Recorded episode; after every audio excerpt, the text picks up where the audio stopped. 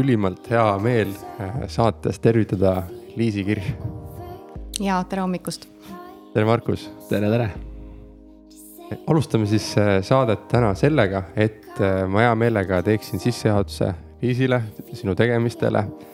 ja just, et kes veel ei ole kursis Liisi tegemistega, siis saab ka rohkem teada ja mõne koha peal ma küsin sinu kommentaari ka siis, sest et põnevad tegemised on sul selja taga olnud. Ja praegu käimas ka nii et äh, Liisi siis äh, on hetkel rahatarkuse koordinaator rahandusministeeriumis mm, -hmm. mis on väga tänuväärt amet, nii et aitäh, et sa selle ette võtsid jah siis varasemalt on kogemus metoodikuna Eesti Pangast ja finantsanalüütikuna Finantsinspektsioonist. nii on. kas sa saad kommenteerida, kuidas näeb välja Eesti, töö Eesti Pangas ja, ja Finantsinspektsioonis? Mina töötasin äh, nendes asutustel, asutustes aastatel kaks tuhat kümme kuni kaks tuhat neliteist. ja siis, äh, kui neid kahte niimoodi võrrelda, siis Eesti Pangas oli nagu rohkem aega süveneda ja FI-s käisid asjad nagu kiiremini. ja iseenesest nagu esimesteks töökogemusteks ma arvan, et mul läks nagu ülihästi, et Eesti Pangas selle kõrvalt ma lõpetasin oma ülikooli ja ja FIS jällegi oli nagu täiesti teine töökultuur, et need olid hästi-hästi nagu põnevad kohad mõlemad. aga mida ma nagu avastasin, oli see, et, et noh, mina ja arvuti kaheksa tundi päevas, et see tegelikult nagu ei lähe hästi kokku. et ma tahan rohkem suhelda ja et sellised minu tugevused nagu välja pääseksid, siis arvuti taga istumine, et see ei sobi mulle. ja peale seda sa vist äh, liikusidki edasi äh, ja tegelesid ka õpetamisega ehk olid ettevõtlusõpetaja Tallinna kolmekümne teises keskkoolis. nii on. mida sa siis täpsemalt äh, ettevõtlusest õpetasid? kui ma läksin kolmekümne teise keskkooli, siis selle taga oli selline hästi vana unistus, et kui ma gümnaasiumis käisin, siis ma juba teadsin, et minust tuleb matemaatikaõpetaja. kolm aastat ma kogu aeg mõtlesin selle, seda peale ja, ja rääkisin, et ma lähen Tartusse, kuni minu vanaema sai sellest äh, nii-öelda noh, kuidagi mööda tagumisi teid sai teada ja siis tuli mulle ütlema, et ei et see, see jääb kindlasti ära, et sa ei lähe õpetajaks, et tema ei luba. sest tema oli eluaeg õpetaja olnud, koolidirektor olnud, hästi erinevaid aineid andnud ja ütles, et see on nagu nii õudne töö, et, et mina lihtsalt ei luba, et üle minu laiba. noh, mina olin selline kuulekas tüdruk, ütlesin, et okei okay,, et ma siis mõtlen midagi muud välja, läksin majandust õppima. aga see õpetamise pisik nagu tegelikult jäi nagu sisse ja seesama sügis ehk siis aasta tagasi, kui ma alustasin õpetajana, siis ma veel kuulsin, et mitte ainult minu vanaema ei olnud õpetaja olnud, vaid ka minu vanaema vanemad olid õpetajad, et noh, see on nagu nii geenides sees tegelikult. ja kui ma kolmekümne teise keskkooli läksin, siis nad andsid mulle kolm klassi, kõik teised klassid, neljandad ja seitsmendad ja ütlesid, et aine nimi on ettevõtlusõpetus et,, ettevõtlikkus. ja noh edasi, et ei, et me ei teagi, et mida sa siin teed, et mõtle ise välja. no ja siis ma nii tegin, et mõtlesingi välja õppekavad ja noh, nendest lastest ei olnud mul samamoodi aimugi, et, et mida nagu kaheksa-aastane üldse teab või oskab või millest ta huvitub. et selles mõttes äh, ma ei ole nagu kindel, et kas mina nüüd neid nagu hästi palju õpetasin, võib-olla pigem nemad õpetasid mind, et mul oli nagu iga koolipäev oli midagi uut, mida ma teada sain, et ja ma olen ikkagi kindel, et sa õpetasid äh, neid ka väga palju, sest et sa oled kirjutanud ka raamatu äh, nimega Minu fin-, finantsplaneerija mm, -hmm. mis äh, siis räägib personaalsest rahandusest ja, ja sissejuhatus ka investeerimisse. ning ähm, elustiililt siis ähm, minimalistliku elustiili viljele, viljeleja mm, -hmm. millega ka mina samastun palju ja, ja ma ei tea, kuidas Markusega. Sama, ikka sama et kas minimalist või maksimalist? minimalist et äh, minimalistliku elustiili viljeleja, siis sellest me tegelikult tahaksime täna päris palju rääkida ka mm. -hmm. ning äh, muidugi investeerimisfestival kaks tuhat üheksateist auväärne esineja, nii et mm -hmm. aitäh, et, et seal ka käisid. ja, ja selline siis uudise künnist on ületanud selline uudis ka, et, et esimese taseme finantssõltumatuse saavutasid siis perega kahekümne sina siis kahekümne kaheksa aastaselt? ma tahaks seda kohe kommenteerida, et, et see ei ole tegelikult ainult minu projekt, et äh, me võtame seda ise ikkagi nii, et, et me oleme nagu noh, perekond ja me teeme seda asja ühiselt. Et alguses, kui ma alustasin, jah, siis ma olin nagu üksinda, aga mul mees tuli selle asjaga nagu väga hästi kaasa ja nüüd me noh, teemegi koos kõiki otsuseid, me arutame kõiki asju koos läbi. nii et see finantsvabadus on meil nagu pigem nagu paari peale ja see tegelikult nagu hoiab meid väga hästi koos ka, et noh, meil on ühised eesmärgid, kuhu me püüdleme, ühised teemad, ühised väärtused ja ja noh, kui see, kui mina olin kakskümmend kaheksa, siis jah, meil oli see esimene tase nii-öelda juba käes Äh, kui nendest tasemetest rääkida, ma lähen kohe sujuvalt edasi. see oli mu järgmine küsimus, aitäh sulle. et siis äh, me oleme ise lahti mõtestanud nii, et see esimene tase on see, et, et need äh, hädavajalikud kulud, mis iga kuu tuleb ära katta, kommunaalmaksed, laenumakse, toidukulud, noh, see, mida sul läheb eluks lihtsalt vaja. et see on nagu see esimene tase, et kui ma need kulud ära katan, et siis meil on see esimese taseme finantsvabadus et tegelikult see tähendab ju ka seda, et, et noh, kui me nagu väga pingutaksime ja püksirihma niimoodi koomal hoiaksime, et siis me võiksime deklareerida, et noh, me nüüd ei peagi nagu töötama enam. aga see ei ole kindlasti meie siht, et niimoodi noh, nagu hästi-hästi nagu väga kokkuhoidlikult elada ja, ja sellist nagu minimaalsust nagu väga saavutada, et et siis me tahaks natukene enamat, niisiis teine tase võiks olla see, et, et kus tulevad mängu ka need mugavuskulud, noh, teinekord on vaja reisida või mingit meelelahutust või mingeid riideid või, või noh, mingeid asju läheb sul ikka vaja, mida sa lihtsalt ise nagu tahaksid. ja et kui see nagu need kulud ka ära katta, siis on see teine tase ja kolmas tase nii-öelda on see, kui jääb raha nagu veel kõvasti üle ka, et, et saab investeerida veel nagu ekstra lisaks sellele, mis sul juba portfellis on et sellised kolm taset me oleme enda jaoks lahti defineerinud ja see teine tase, noh, paistab, veel ei ole käes. Äh, jah, aga kuidas sa siis äh, näed ähm, finantsilist vabadust või finantsiline sõltumatus või neid hästi palju erinevaid nimesid on sellel terminil, et, et ähm, milline sind äh, kõige rohkem kõnetab, milline sümpatiseerib või kuidas sa neid lahti mõtestad? Mina olen rääkinud ikkagi finantsvabadusest, et mulle meeldib see vabadus, et noh, see ongi nagu minu enda valik ja ja minu enda prioriteedid, mille järgi ma otsustada saan, et mitte keegi teine ei dikteeri mulle mitte midagi ette. kui finantsvabadusest rääkida, et mida see nagu üldse tähendab minu jaoks, siis äh, see ongi nagu see, et, et ma ise otsustan, et kui palju ma tööd tahan teha või kui, kui palju ma üldse tahan pühenduda noh, perele või, või reisimisele või noh, mis iganes, kui palju ma võtan mingeid projekte endale vastu. et see on nagu see vabadus.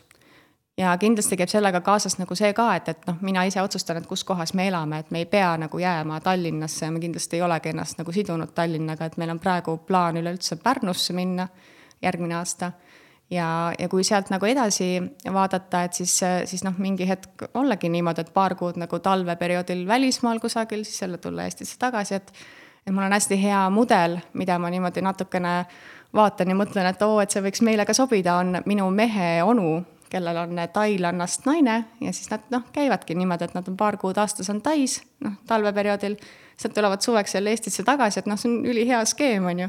et see kehv suusailm, mis meil siin on, et noh, see ei sümpatiseeri mulle eriti. Aga et finantsiline vabadus siis äh, lähemale jõuaks äh,, on tarvis investeerida. Äh, kuidas äh, ja miks sa otsustasid siis investeerimisega tegelema hakata? investeerimisega ma hakkasin tegelema kaks tuhat kümme, siis kui ma sain oma esimese sellise finantssektori töökoha, et noh, ma teadsin, et mul tuleb nagu iga kuu mingit raha peale. kui esimene palgapäev oli, siis ma logisin internetipanka sisse, vaatasin, et issand, et et sihuke summa raha ja kuu aja pärast tuleb järgmine sihuke summa raha, et nagu vau wow,, et mis ma teen sellega et noh, täitsa ausalt, et, et ma mõtlesin, et tegemist on väga suurte summadega, et kroonides, ma ei mäleta, mis see oli, mingi kaheksa tuhat krooni, et nagu vau wow,, et nüüd ma olen nii rikas. ja, ja sealt edasi, kuna koolis oli kogu aeg sellest investeerimisest räägitud, et tol hetkel mulle tundus, et investeerimine, et seal on nagu üks-ühele seos on, et noh, ma siis pean aktsiatesse panema ja mõtlesingi, et kuna seda raha jääb nii palju üle, et väga hea, et nüüd ma saan proovida, et mida see nagu praktikas tähendab, et millisele veebilehele ma kõigepealt sisse login, kust ma üldse mingid hinnad saan, kuidas see nagu praktiliselt välja näeb, mida ma kuhugi sisestama pean. proovisin läbi, minu kõige esimene investeering oli Tallinna Kaubamaja. Et äh, olin ise hästi uhke, jälgisin Äripäeva iga päev, vaatasin, kuidas liigub siis kui kukkus, siis mõtlesin, et ma ei tea, et nüüd peaks äkki maha müüa et noh, sellised esimesed äh, emotsioonid nagu, et noh, kogu see asi sai niimoodi nagu läbi tehtud. aga see oligi nagu see algus ja noh, sealt edasi nagu see maailmapilt nii-öelda nagu avardus, et, et varaklassi on veel ja, investeerida saab ka teistmoodi mm. -hmm. väga lahe just, et selline julge pealehakkamine ja sihuke kindel start nii-öelda, mitte no jah, nagu see, see, mis koolis räägiti, et see oli minu jaoks nagu nii teoreetiline, et me vahtisime neid graafikuid nagu ma ei tea, üle, üle tunni, et noh, mida me nagu vaatame neist, et ma ei, ma ei saa nagu aru sellest niimoodi, et kui ma nagu mm. käega ei katsu, siis, siis on ta natuke nagu liiga abstraktne mm,. aga liikudes äh, siitkohalt siis edasi minimalismi juurde, et kui ma ise tänast saadet ette valmistasin, siis äh, erinevad autorid olid selle kohta kirjutanud, et äh, ütleme, nad käsitlesid seda väga erinevalt, nii põhimõtete, viiside kui ka kõige, poolest, et, et see on justkui, mulle jäi mulje, et see on sihuke, igaüks ise mõtestab äh, minimalismi enda jaoks. et äh, mida minimalism sinu jaoks tähendab ja miks sa üldse tegeled sellega? ma jõudsin minimalismi mõisteni umbes kaks aastat tagasi ja täpselt sama teed, nagu sina just ütlesid, et kuidagi internetisse niimoodi tuli minuni. ja, ja kui ma nagu lugesin ja vaatasin selle kohta neid erinevaid äh, blogisid ja, ja kuulasin podcast'e, et siis ma nagu mõtlesin, et noh, et see ongi see, mida, mida mina nagu ka teen. et see oli nagu, see määratlus tuli nagu hiljem.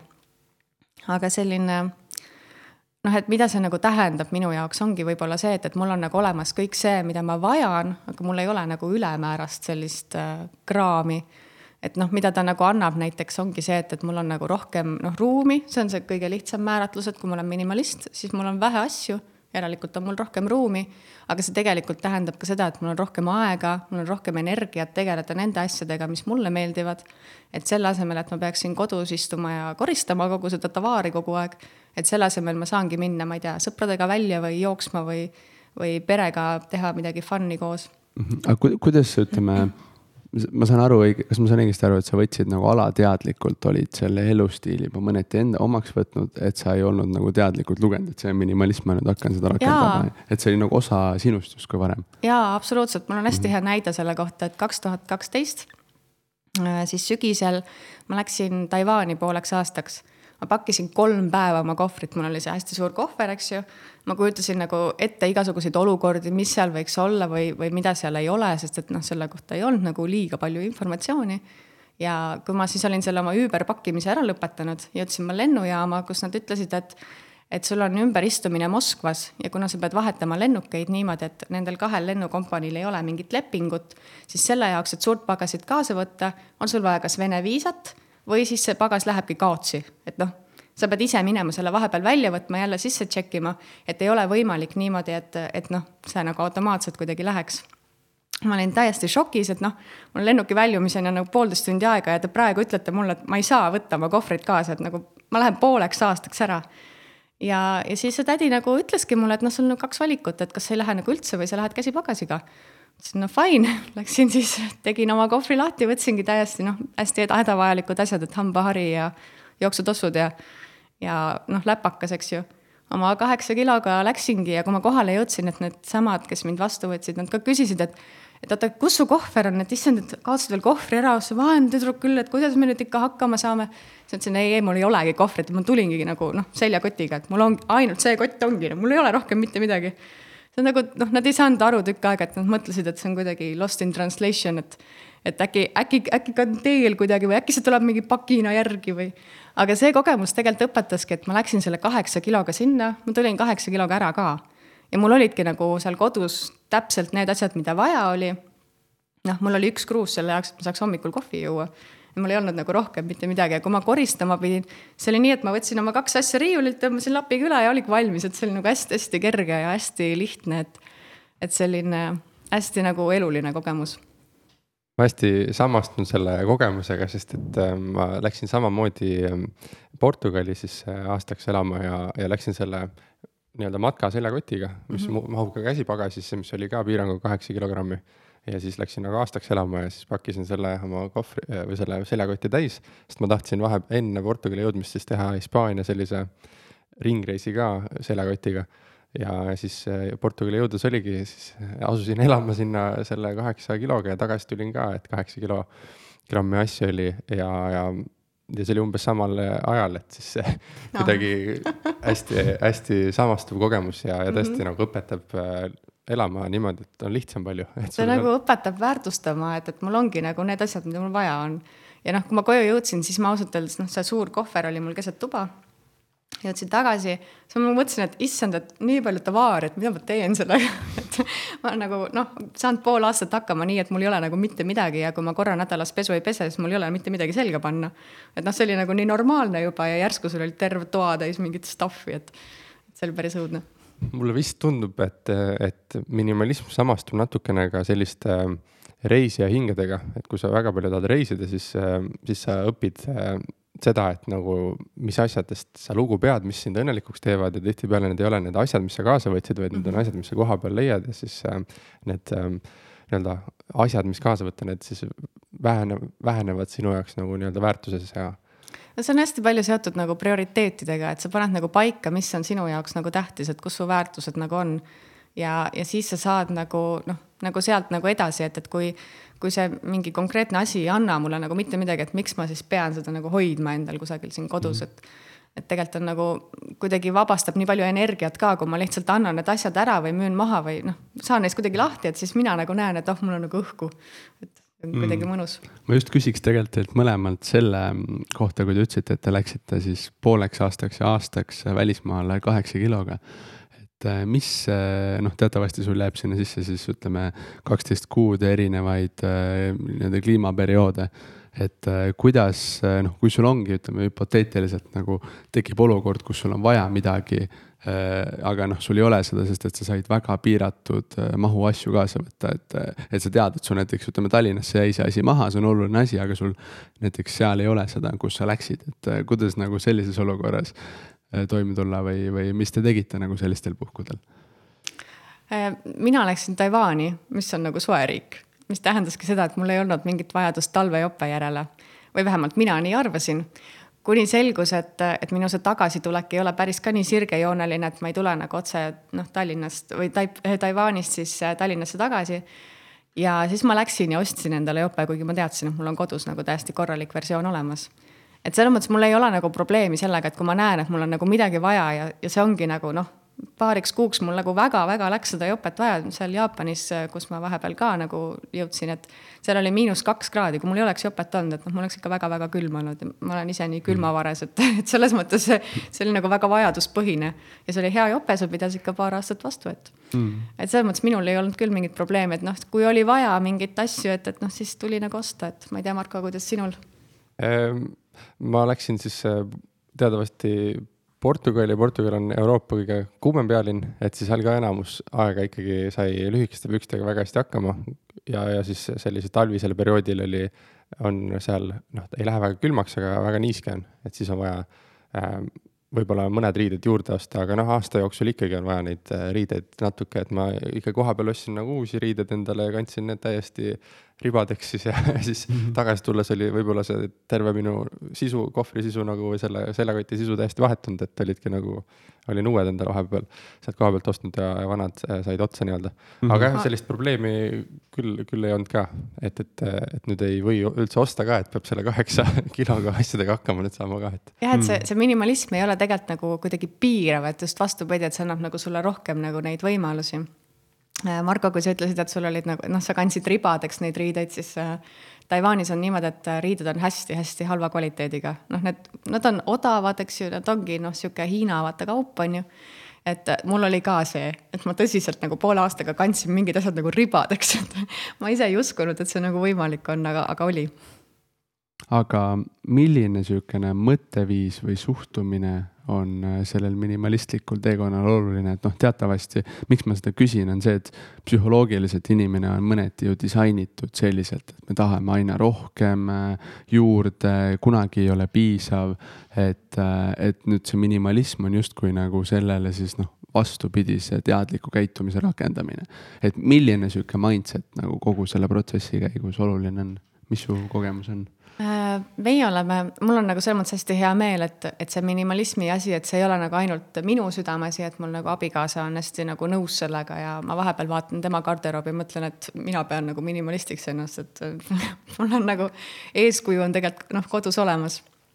aga, aga see hästi palju nagu seostub sellise nagu ette planeerimise ja nagu läbimõtlemisega, et, et kui ma ma ei tea, leiangi, et mul on uusi kingi vaja, et noh, siis ma nagu mõtlen läbi, et ma ei osta endale kõrge kontsaga kingist, et ma tean, et ma ei jaksa nendega käia, et okei okay,, ma natukene käin, aga, aga noh, mul ei ole nagu seda vabadust, et ma lähen kodust välja ja ma ei tea, et võib-olla ma lähengi viiekilomeetrisele ringile, et lihtsalt juhtub niimoodi, et mul on vaja vahepeal ühest kohast teise minna. mul ei ole mõtet osta neid kontsaga kingi, et ma ostan midagi sellist, mis on hästi mugav, hästi praktiline. et kui on vaja, siis ma saangi sellega niimoodi nendega noh, mööda linna ringi joosta, et et ja noh, samas need näevad nagu okei okay välja, et, et selline ma ei tea, nagu kombineerimine või asjade nagu efektiivne ärakasutamine on minu jaoks nagu hästi-hästi oluline sealjuures Mm -hmm. ja, ja kui ma ikkagi lähen nagu tõesti midagi ostma, et, et siis ma olen nagu läbi mõelnud, et mis asi see on, mida mul täpselt vaja on. miks mul seda vaja on, kui palju ma seda kasutan ja kui ma leiangi, et, et oot, et ma ei kasuta seda tegelikult nii palju, et ma saan nii ka hakkama, et ma korra laenan selle, noh, raamatud näiteks. et ma ei loe raamatuid ju mitu korda üle, et mul on tegelikult palju lihtsam, et ma lähen raamatukokku, ma loen selle raamatu läbi, kui tegemist on mingi tõelise pärliga, et vau, et see oli nii hea raamat, et ma ei tea, tsitaate täis või mingeid hästi ägedaid pisikese teema nagu selliseid püstitusi, mida ma tean, et ma tahan nagu üle lugeda, et noh, loomulikult ma võin osta endale selle raamatu, et ma ei pane nagu mingit piiri ette, et ei, raamatuid me koju ei osta.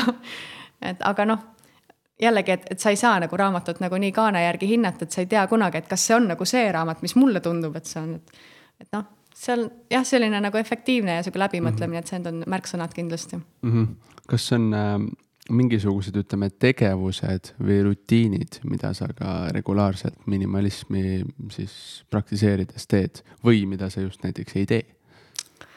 ma ütleks selle kohta nii, et, et ma aeg-ajalt ikkagi käin nagu terve nagu kodu nagu läbi, et noh, kui mulle tundubki, et, et seal garderoobis nagu hakkab mingi jama jälle toimuma, et siis ma nagu lähen ja sorteerin ja teen ja tegelikult seesama nagu minimalismi harrastamine või selline, et ma võtan nüüd selle mingi konkreetse kapi või riiuli ette et noh, mul oli hea näide, et meil see oli vist mingi veebruaris, kukkuski köögis üks kapp kukkus lihtsalt kokku, seal oli liiga palju asju peal, et noh, mina füüsika, äärmiselt füüsikast mitte huvituva inimesena olin ka pannud liiga kõrgele riiulile liiga raskeid asju, et mul mees tegi selle hästi selgeks mulle, et, et see ei ole okei. Okay.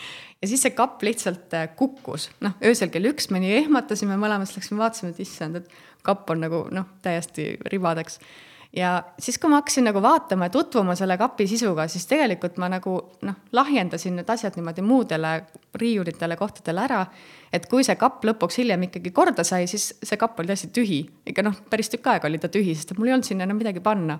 ja samal ajal, kui ma nagu teen sellist mm, kuidas ma ütlen, noh nagu ülevaatust või, või kuidagi sorteerin, vaatan neid asju seal, siis see, see tegelikult täiesti nagu korrastab mõtteid ka et noh, ma ei tea, kuidas teil on, aga minul on nagu nii, et ma võtan mingi asja ette, et ma koristan ja, ja siis see kuidagi hiljem on sul endal ka nagu mõtted on nii puhtad ja seda energiat ja seda on nagu nii palju, sest et sa oled mingist sodist nagu noh, lahti saanud. Need, mis on alles jäänud, et sa tead, et need on nagu vajalikud, okei okay, asjad on ju, need on sul mingi süsteemi järgi ära pandud, et siis on nagu kuidagi peas on ka süsteem ja ma täiesti ühtin selle mõttega, et täpselt sama nagu tunnen enda puhul ka, kuidas Marko, sinu kogemused on? ma kuulan ka ja mul on kogu nagu kaks kätt mõttes püsti, jaa, täpselt nii on.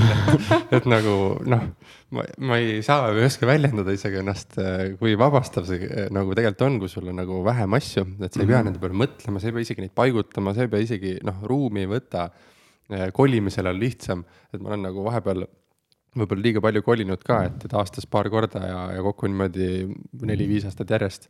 Äh, et siis iga kord, kui sa kolid, siis sa tead, kui piinarikas on kogu asju kokku pakkida mm, -hmm. mida vähem asju on, seda parem on.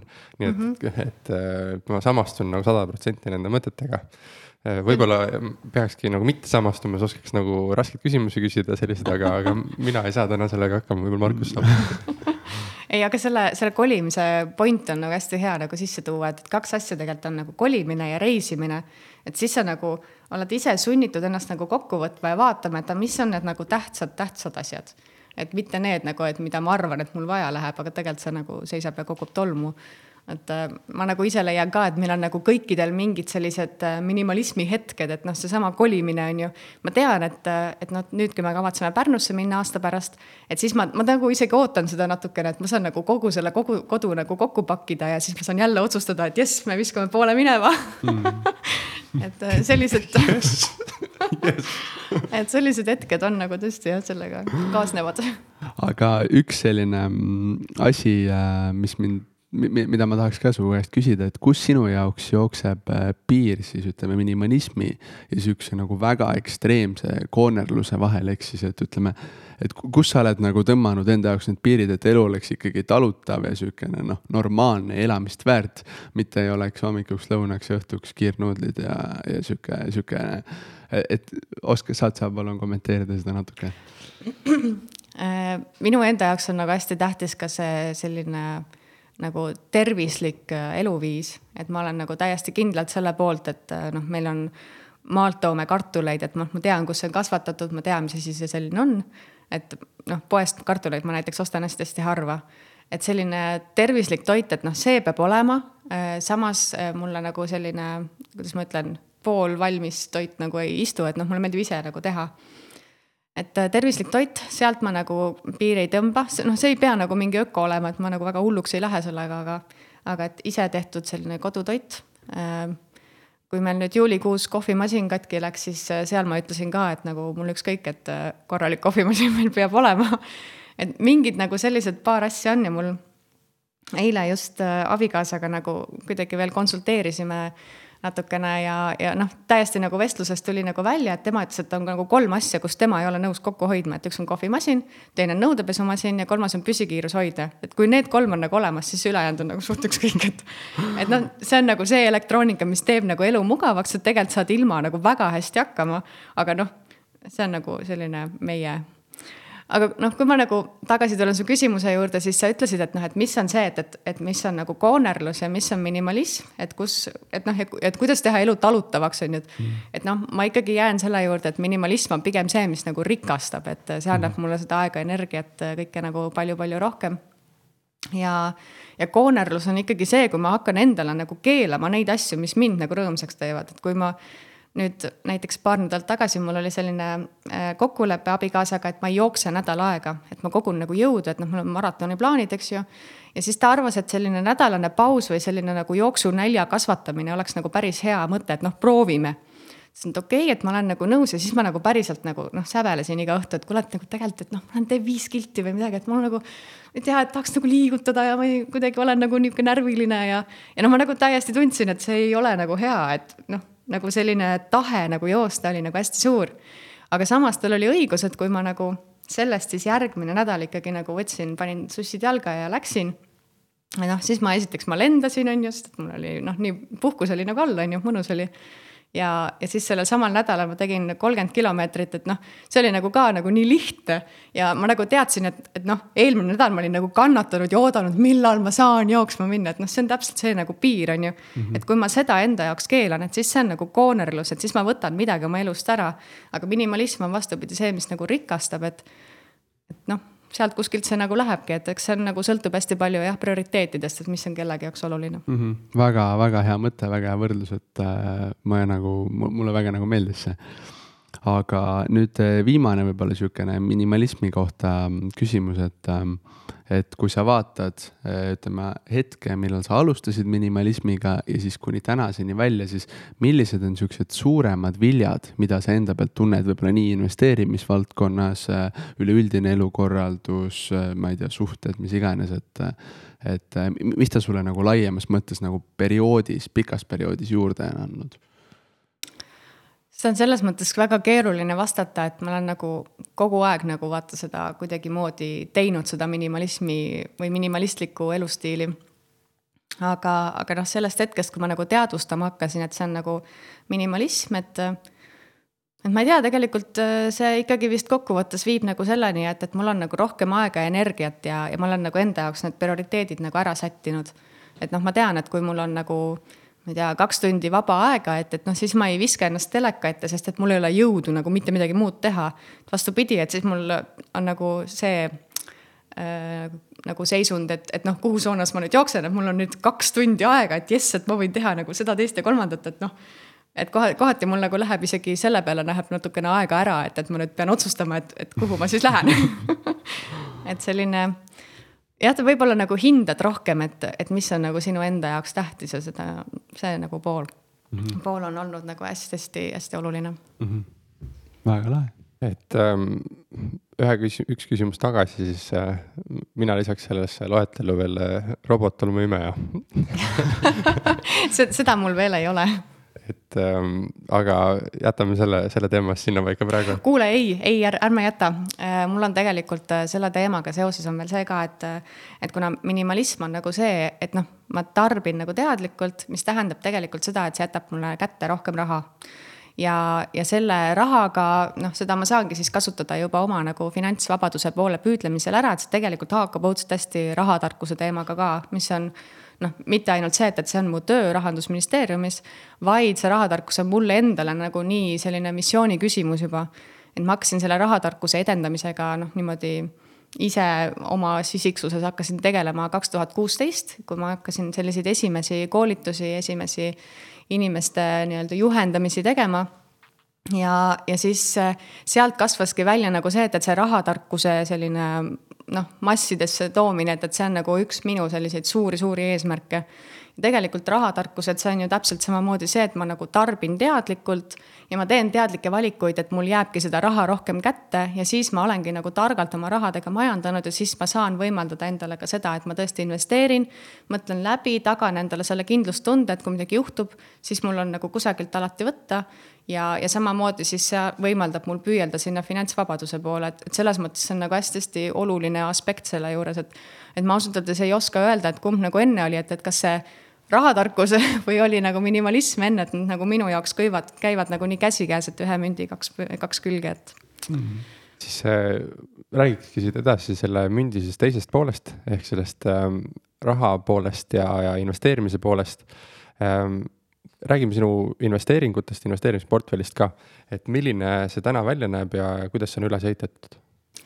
Äh, me investeerime üheskoos abikaasaga, mis tähendab, et meil ongi nagu kahe inimese tugevused tegelikult ühendatud. ja see on selles mõttes nagu hästi põnev, et kui üksinda vaata, tekib rohkem neid momente, et ah, ma ei viitsi, et mis ma ikka jälgin seda aktsiat ja noh, las ta siis olla, et suva, et et ma tegelen sellega kunagi hiljem, siis kahekesi noh, mul ei ole nagu seda võimalust, et mul on nagu vastutus teise inimese ees et selles mõttes äh, need, kes nagu hakkavad investeerima ja kes tunnevad nagu seda ebakindlust, et ma alati soovitan, et aga võta mingi partner endale, et noh, see ei pea olema su abikaasa, kui ta nagu üldse ei huvitu asjast. et aga leia mingi sõber või, või keegi selline tuttav, et, et see nagu koos on palju-palju kergem ja palju lihtsam on nagu üksteist innustada kui ma tulen selle meie portfelli juurde, siis äh, meil on ta tegelikult laias laastus jaotatud nagu neljaks on äh, kolm sellist äh, kolmekümneprotsendilist äh, suurt osa ja siis viimane on niisugune kümneprotsendiline, võib-olla natuke riskantsem osa, et esimene sellest, sellest suurest plokist, see kolmkümmend protsenti on kinnisvara. suures jaos see kinnisvara ei teeni mingit rahavoogu, noh, sinna alla kuuluvad ka näiteks see krunt, kuhu me tahame kunagi maja ehitada, noh, mul ei ole nagu mõtet seda kuidagimoodi praegu välja rentida, et seal on peal täiesti elamiskõlbmatu hurtsik, et et ma ei saa seda nagu kuidagi raha nii-öelda tootma panna. aga samas see on jällegi oluline nagu meie enda unistuste tarbeks. siis on meil kolmkümmend protsenti on äh, siis kinnisvaraga tagatud laenud. Äh, viimane suur kolmkümmend protsenti on võlakirjad, siis korporatiivvõlakirjad ja siis see kõige viimane pisikene kümneprotsendiline osa on siis noh, sularaha või aktsiad või, või mingid sellised nagu mm, likviidsemad ja võib-olla ka riskantsemad investeeringud. ja millest, millisest loogikast lähtuvalt olete selle portfelli siis üles ehitanud, kas algusest peale oli mõte, et teeks äh, kolmkümmend, kolmkümmend, kolmkümmend ja siis kümme riskantne või kuidas see välja kujunenud on? ei, alguses meil ei olnud nagu üldse mingit loogikat, et see oli pigem nagu see, et, et me proovisime panna asjadesse, mis meid huvitasid Äh, sealt me jõudsime ühel hetkel ka sellise nagu minimalismi juurde, et ei ole mõtet nagu sellele, et ma proovin nagu seda portfelli ajada nagu hästi-hästi variatiivseks, et mul oleks seal nagu mingi noh, kõiki varasid, kuhu ma vähegi nagu panna saan, et et kui ma ütlesin, et alguses mulle tundus, et investeerimine, et see võrdub nagu aktsiad, siis tegelikult äh, noh, mida, mida aeg edasi, seda enam ma nagu näen, et, et kuhu sa veel saad investeerida, et ka see on investeering, kui ma tegelikult äh, tunnen väga hästi turgu ja, ja kui ma tean, et Adidas laseb välja mingisugused spordijalatsid, mida toodetakse nagu üliväike tiraaž, mina, mul õnnestub kuidagi sealt üks paar kätte saada ja kui ma selle siis hiljem mingi meeletu kasumiga maha müün, see on ka investeerimine. et selles mõttes me oleme nagu kuidagi nagu paika pannud need piirid, et noh, meil ei ole mõtet kõigega tegeleda, tegeleme nende asjadega, millest me aru saame ja mis meile endale nagu kuidagimoodi nagu meeldivad. et äh, näiteks äh, miks meil ei ole sellist üürikinnisvara, meil ei ole praegu ühtegi kohta, mida me välja üüriksime, kohe tekib. Aga miks meil ei ole nagu sellist suurt üürikinnisvara portfelli, et miks me nagu Peeter Pärteliga näiteks ei, ei ole nagu üks-ühele nagu väga sarnase investeerimisfilosoofiaga ongi see, et, et meil on olnud neid kortereid ja ühel hetkel me avastasime, et see ei ole nagu passiivne investeerimine, mina olen kogu aeg valmis, istun telefon käes ja ootan, et millal nad helistavad, et kuule, mul on selle naabriga mingi probleem või siin mingi toru läks katki või vahet ei ole, mis juhtub, et sina pead nagu kõige sellega tegelema, et see ei ole passiivne. ja kui ma sealt saan mingi noh, keskmiselt kuus kuni kaheksa protsenti tootlust, siis see ei kata nagu seda ära, et, et mina olen valves. kui ma näiteks võlakirjadest võin saada kümme protsenti, et noh, siis ei ole nagu mingit küsimustki, et me nagu kindlasti mõtleme nagu selle peale, et, et see investeerimine oleks võimalikult passiivne meie jaoks, et me saaksime hästi mugavalt oma neid äh, tehinguid teha. Ja me mõtleme ka selle peale, et milline on nagu see tootlus, et noh, me ei, ma ei tea, ei pane tähtajalisse hoiusesse, sellepärast et see tootlus on meie jaoks liiga väike, et me teame, et me suudame paremini. Aga kuidas need varaklassid siis välja kujunenud on, et väga huvitav selles mõttes valik, et klassikaline valik, äh, mis on raamatutes ka läbi käinud, on see et, et kolmkümmend protsenti siis kinnisvara, kolmkümmend aktsiad ja kolmkümmend siis äh, laenud ühisrahastuses näiteks. ja siis ülejäänud on siis spekulatsioon, mis on kas Bitcoin või startup'id et, et kuidas siis teil on äh, juhtunud niimoodi, et aktsiaid ei ole kolmekümne protsendises ähm,.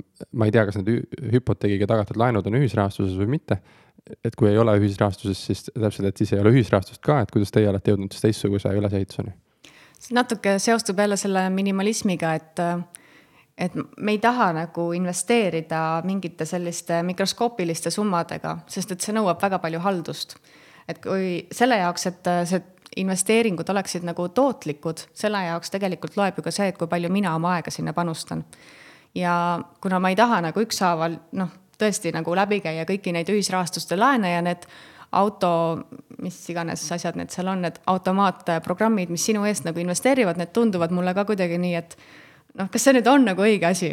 ja, ja pealegi need portaalid, noh, nad ju sõltuvad nendest inimestest, kes neid portaale peavad, et kuidagi see mulle tundub nagu liiga kahtlane, liiga palju nagu oma raha teiste kätte nagu usaldamine.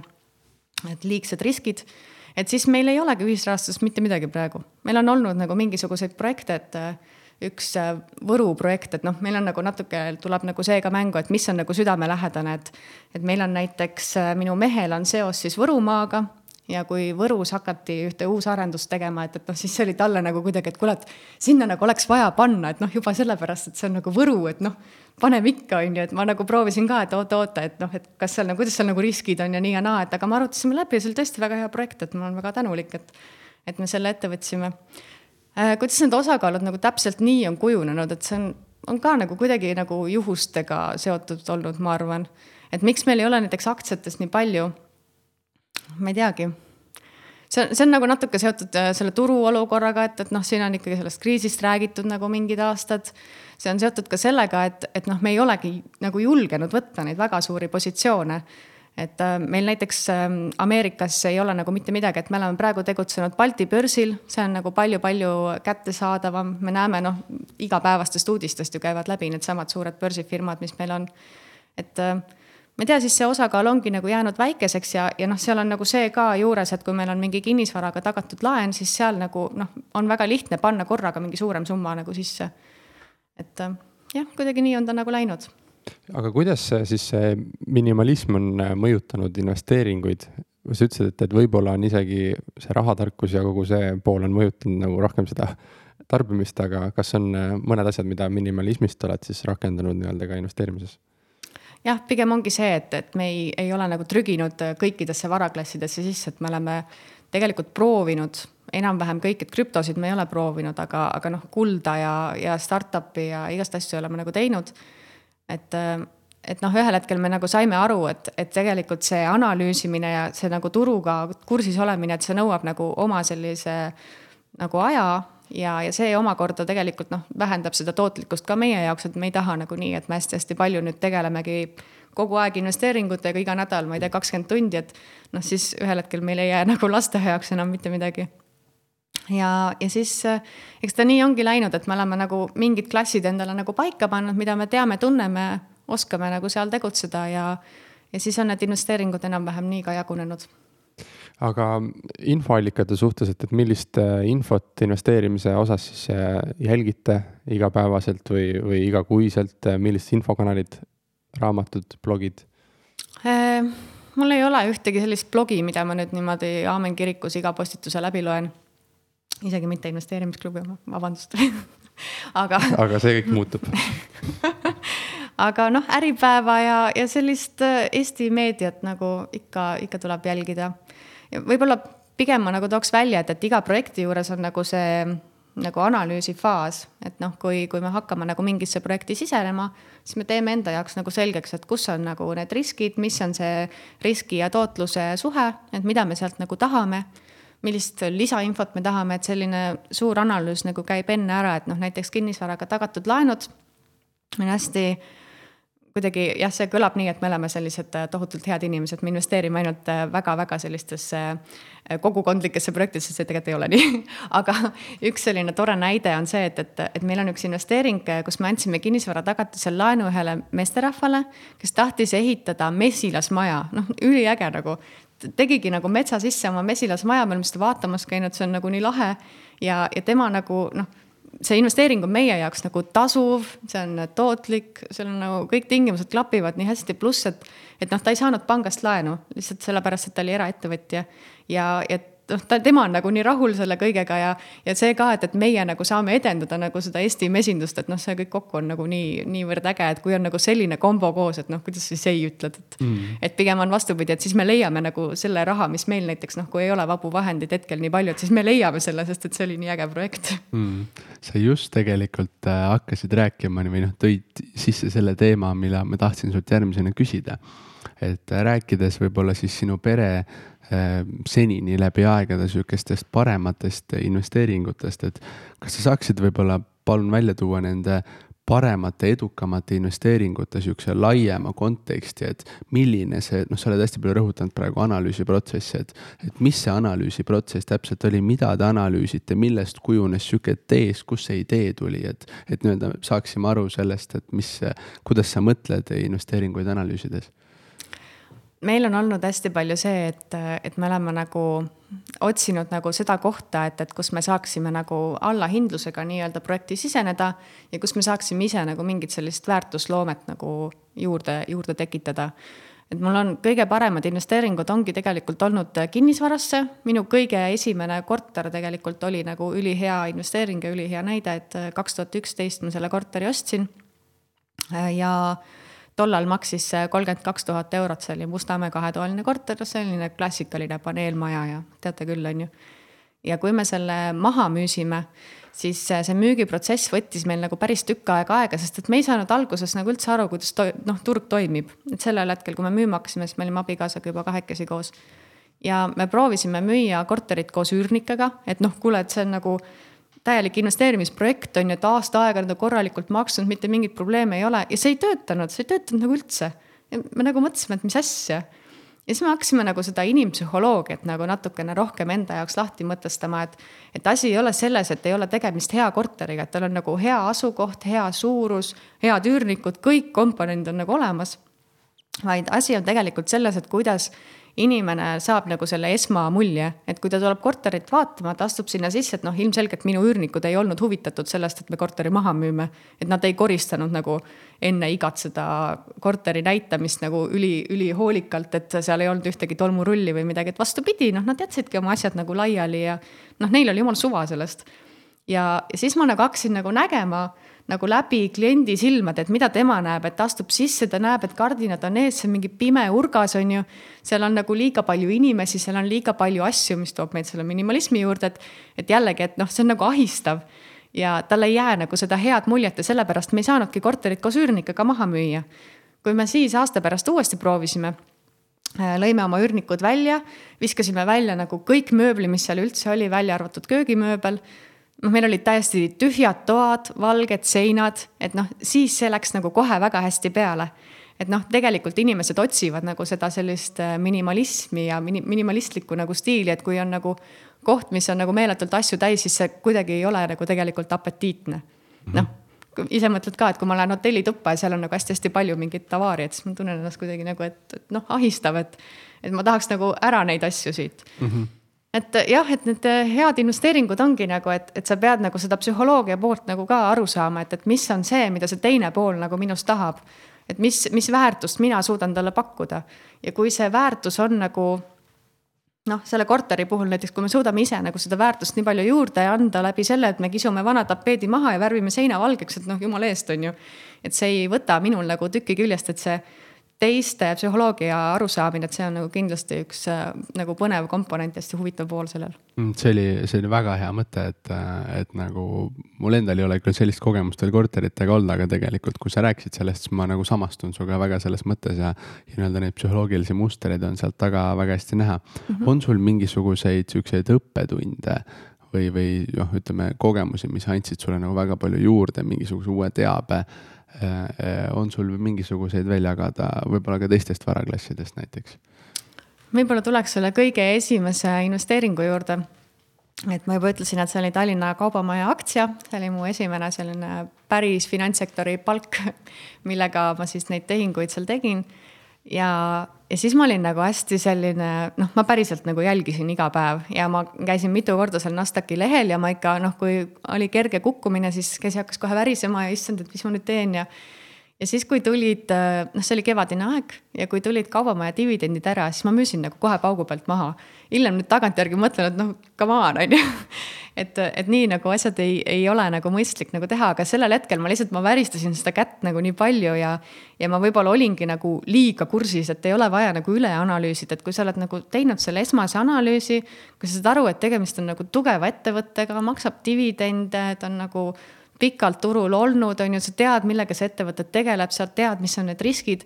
et noh, siis ei ole vaja nagu iga päev nagu noh, kätt pulsil hoida, et see lihtsalt nagu tegelikult sinu enda vererõhule mõjub nagu kehvasti mm. -hmm. et selles mõttes ma nagu jah, tooks välja, et, et ei ole nagu vaja üle analüüsida, et tee ühe korra oma analüüs ja, ja siis sa jõuad nagu noh, jälgida seda nagu turu käekäiku küll, et mm. -hmm.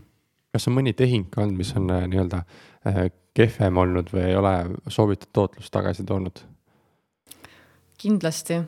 Need pigem jäävad nagu selliste väiksemate tehingute hulka, et, et noh, mingid aktsiatehingud on kindlasti olnud sellised, et et me oleme nagu tehingu teinud, me oleme arvanud, et see nagu raudselt läheb ülesse ja siis tegelikult on tulnud nagu mingi uudis, mida me ei osanud ette näha ja see toob jälle nagu tagasi selle inimpsühholoogia juurde, et noh, sa nagu näed ära, et, et kuidas see turg nagu üle reageerib nagu tegelikult täiega et, äh, et jah, just see psühholoogia pool, et, et see on nagu tegelikult andnud päris palju nagu selliseid õppetunde, et kui ma alguses nagu päriselt nagu vaatasin ainult seda ettevõtet, et noh, numbrid on ju head, kõik on nagu ülihästi.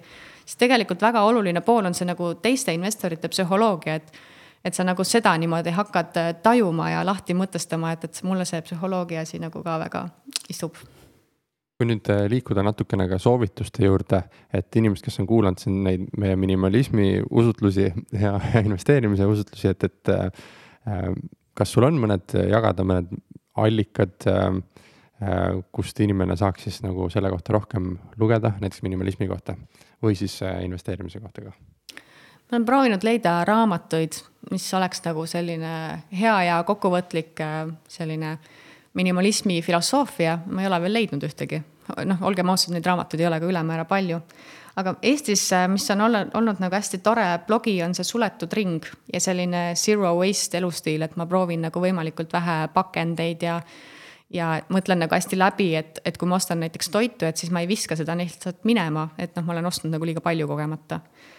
siis mida ma olen veel kuulanud, on selline blogi nagu The Minimalists et eelmine aasta, kui mul oli silmaoperatsioon ja ma kolm päeva noh, või no isegi kauem tegelikult, nädal aega ma ei saanud nagu midagi lugeda, siis ma tundsin, et mul on vaja nagu mingit sellist oma, oma nagu niisugust power'it nagu kusagilt mujalt, et siis ma tõesti kuulasin nagu hästi palju seda podcast'i. ja neil on nagu hästi nagu huvitavad mõtted, et see on küll hästi nagu Ameerika, aga samas seda, sealt nagu paralleeli tuua nagu Eesti maailmaga on ka väga lihtne. ja siis äh, üks blogi veel, mida ma mainiksin, on äh, becomingminimalist.com et mm -hmm. seal on nagu sellised tsitaadid, et noh, ma, mul ei ole nagu nii palju aega, et, et ma jõuaksin nagu kõiki neid blogiartikleid meeletult lugeda. aga seal on nagu vahel on nii, et ta viskab nagu mingi tsitaadi ja see on, oh, see on nagu täpselt see, mis ma just mõtlesin, et nagu nii hästi nagu kokku võetud, et jess, et aitäh selle eest, et mul on tõesti sihuke tunne vahel, et noh, kirjutaks sellele autorile, et kuule, et ma olen nagu nii tänulik, et pane veel tsitaate et see on nagu nii, nii nagu lahe jah filmide osas äh, ma olen, vaatasin äh, siis, ma arvan, et see oli noh, juba tükk aega tagasi, aga vaatasin Netflixis sellist filmi nagu äh, The Minimalists või, või minimalism või ma täpselt ei tea, mis selle pealkiri oli, aga mm -hmm. üks minimalistide selline dokumentaalfilm on, on tehtud, kas sa oled ka seda näinud? ei ole, kusjuures ma tahtsin just küsida, kuidas sulle meeldis Äh, noh, ikka äge, äge, äge film, käed püsti, et, et selles mõttes äh, noh, kõike ei pea ju tõe pähe võtma ka, et, et võib-olla nad seal natuke tegid huumorit ja noh, filmis ikka dokumentaalis, et natuke tegid natuke huumorit, et. üle võlli. üle võlli, et terve tuba on tühi ja midagi nagu ei ole, üks lusikas on ja ja selleks saab kõike teha. aga, aga muidu üldiselt nad ikkagi proovisid rääkida psühholoogiast äh, ja kõigest muudest külgedest ka. ja sinna tulebki juurde natuke seda investeerimispoolt Ehm, nad olid siis finantsiliselt vabad ka ja, ja samas äh, tervisliku toitumise poolt ja kõike muud, et äh, tore film selles mõttes, et mm -hmm. ma arvan, et igas meediumis võiks vähemalt üks hea teos olla, et üks hea film, siis mingi podcast, mingi blogi ja, ja mingid kodulehed ka, et mm -hmm. annab juurde jaa, täiesti nõus. Äh, kui ma mhm. tulen mm. nagu tagasi veel, et, et mis mind on nagu inspireerinud, et siis ma olen natukene uurinud seda Marie Kondo, KonMari süsteemi ma päriselt oma pesusahtli nagu kas selle järgi panin. kas see on see Jaapani ja. naine, kes siis aitab peredel äh, oma kodu korda saada? jaa, äh, tema on mm -hmm. nagu teinud täieliku nagu süsteemi, kuidas sa peaksid oma neid riideid nagu niimoodi paigutama ja et kuidas sa nagu näed ära, et, et mis asjad nagu värvide järgi ja noh, see on nagu tohutu nagu, kuidas ma nüüd ütlen, teadus, mida, mille tema on nagu teinud et ma olen nagu natukene sealt niimoodi selliseid nippe niimoodi võtnud ja siis teine veel, kes on nagu hästi inspireeriv, on tegelikult äh, Steve Jobs. et äh, tema nagu on ka välja toonud selle, et, et tal on tema enda selle nagu disaini jaoks on nagu vaja seda, et, et tal, tal ongi nagu tuba tühi, on ju. ja ta elas aastaid nii, et tal oli majas põhimõtteliselt oli nagu ainult madrats ja siis see Apple'i see nagu arvuti, et. et noh, selle jaoks, et tal nagu mõte lendaks, siis tal on vaja nagu seda tühjust, seda ruumi, et alles siis saab nagu hakata midagi uut nagu tekkima, et. Et see oli nagu ka nagu sihuke inspireeriv, et ma lugesin, mõtlesin, et oh, kuule, jõle äge, et kusjuures mul on olnud nagu see eluetapp, et mul oligi nagu magamistoas oli noh, voodi või see madrats oli nagu niimoodi selle põranda peal ja seal nagu rohkem ei olnud midagi, et see oli nagu, see oli tegelikult päris äge mm.. et Marie Kondo oli ta. Marie Kondo jah ja,. et, et ma olen ka vaadanud seda mõnda episoodi ja seal on tõesti nagu volditakse noh, asjad täpselt niimoodi kokku, et see, kui sa sahtli lahti teed, sa pead kõike nägema, mis sul on et muidu sa unustad ka osad asjad ära, kui sa paned üksteise peale mm -hmm. ja siis värvide järgi ja siis, kui sa asju ära viskad, siis või sorteerid, sa peadki vaatama, et mis, mille üle sa oled tänulik ja mis on nagu üle ja siis ja, ja kui sa riided ära viskad, sa tänad neid, et nad on sind teeninud ja sa annad mm -hmm. nad ära. et see on hästi äge, et see on ka Netflixis tegelikult äh, olemas dokina, et, et seda võib vaadata.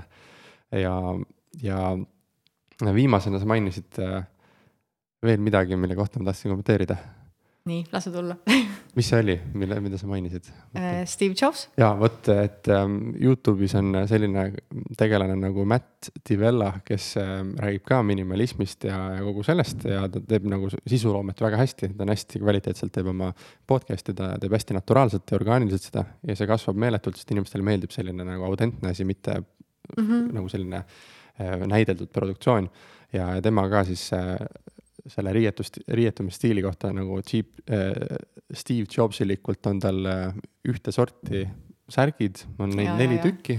ta ei pea kunagi mõtlema, mida nagu selga panna, siis on ühed äh, püksid enam-vähem, mis on üks noh, ülikond ja, ja selliste asjadest ta tunneb ennast väga hästi ja ta räägib sellest hästi, nii et, et sealt võib-olla annab ka ammutada mingeid mõtteid juurde see on täiesti nagu noh, huvitav, et, et me tegelikult suudame teha päevas nagu teatud osa otsuseid, teatud numbri, noh, arvu otsuseid, eks ju. ja, ja kui sa nagu hommikul juba lähed ja, ja sul on nagu garderoobis nagu meeletu valik, et noh, juba siis sa kulutad nagu mingid oma otsused ära, et noh, see on nagu nii väike ja nii tobe asi, et et noh, kui ma lähen ja mul on vähe asju, et mul on näiteks mingi pidulikum sündmus, mul ongi üks kleit ja see ongi nagu nii lihtne, et ma ei pea mõtlema, mida ma selga panen, sest mul ongi üks kleit ainult niimoodi kättesaadav seal, et, et see tegelikult nagu annab mulle nagu meeletult seda sihukest energiat ja, ja nagu power'it ka, et ma tegelengi juba päeva alguses oluliste asjadega, mitte sellega, et mis ma selga panen, noh nii tamm. jaa, aga need on tegelikult, ma arvan, väga head mõtted, kust hakata siis joont alla tõmbama meie tänasele siinsele hommikusele vestlusele et äh, mina sain isiklikult väga palju häid mõtteid, nagu ma juba ütlesin, et äh, lähen koju, viskan kaks kolmandikku riidekapist minema ja kolmandiku mööblist minema, et, et see nagu seisab mul kindlasti ees. super. Marko, mis, mis sinu rutiinid on nüüd kohe koju minnes? oh äh,, jah, lähen viskan ka kõik asjad ei, tegelikult äh, natuke ikkagi andis mõned mõtted juurde, sul olid hästi ägedad just sellised psühholoogilised vaatepunktid asjadele. et kuida-, noh, et kuidas sa mingeid asju näed, just see näiteks koonerdamine versus minimalism on ju. et, et annab, ma saan ka seda kasutada teistele rääkimisel sellest teemast, et, et, et see rikastab sinu elu ja sa ei pea nagu halvemaks tegema, et see on nagu võib-olla see piir, kus sa isegi jälgid, et kas ma nüüd ähm, ostan mingeid asju või mitte, et kui see tõesti annab sulle hästi palju juurde, siis tõesti, aga kui see ei rikasta, siis, siis pigem jäta ära, et igast sellist psühholoogilisi mõtteid, hästi ägedad mõtted on sul. et ja, see on tulnud ilmselt selle pika aja, noh, kui sa tegelenud oled, selle aja jooksul need välja kujunenud, nii et väga äge on, on kuulata neid mm. -hmm. väga tore minule ka väga meeldis, et hästi suur aitäh kutsumast oli väga huvitav hommik.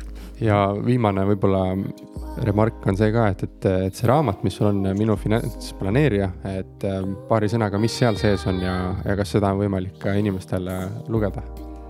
raamat on kättesaadav äh, Rahva Raamatus, Apollos, minu enda veebis ka ja see on tegelikult selline nagu sissejuhatus üldse, et, et kui keegi tahab oma rahaasjad kontrolli alla saada, et ta ei ole nagu investeerimisõpik, vaid pigem selline, mis on sinu unistused, kuidas sa saaksid neid teostada ja mida sa nagu peaksid jälgima just nagu rahalises aspektis, et kuidas on võimalik hakata üldse nagu algusest liikuma, seda raha nagu kõrvale panema, tekitama, et sa üldse saaksid nagu hakata investeerimise, finantsvabaduse suunas liikuma. et ta on nagu selles mõttes selline abc, millest on nagu hästi-hästi hea alustada. ja mis ma veel lisaks, et ta ei ole nagu lihtsalt raamat, et mida niimoodi enne magama minekut lugeda, vaid sa saad sinna nagu kohe sisse kirjutada nagu omad mõtted, omad nii-öelda lubadused, et mina olen see inimene, et kui ma nagu üles kirjutan, et siis mul nagu jääb meelde ja siis ma olen justkui nagu noh, ma ei taha öelda, et lepingu allkirjastanud, aga, aga siis on mulle endale antud nagu lubadusi raskem nagu murda, et noh, mul on nagu kirjalik tõestus, et voh, ma olen nagu midagi lubanud, et, et siis ma nagu proovin ikka ära teha suurepärane, aitäh sulle, Liisi, et sa saatesse tulid. aitäh teile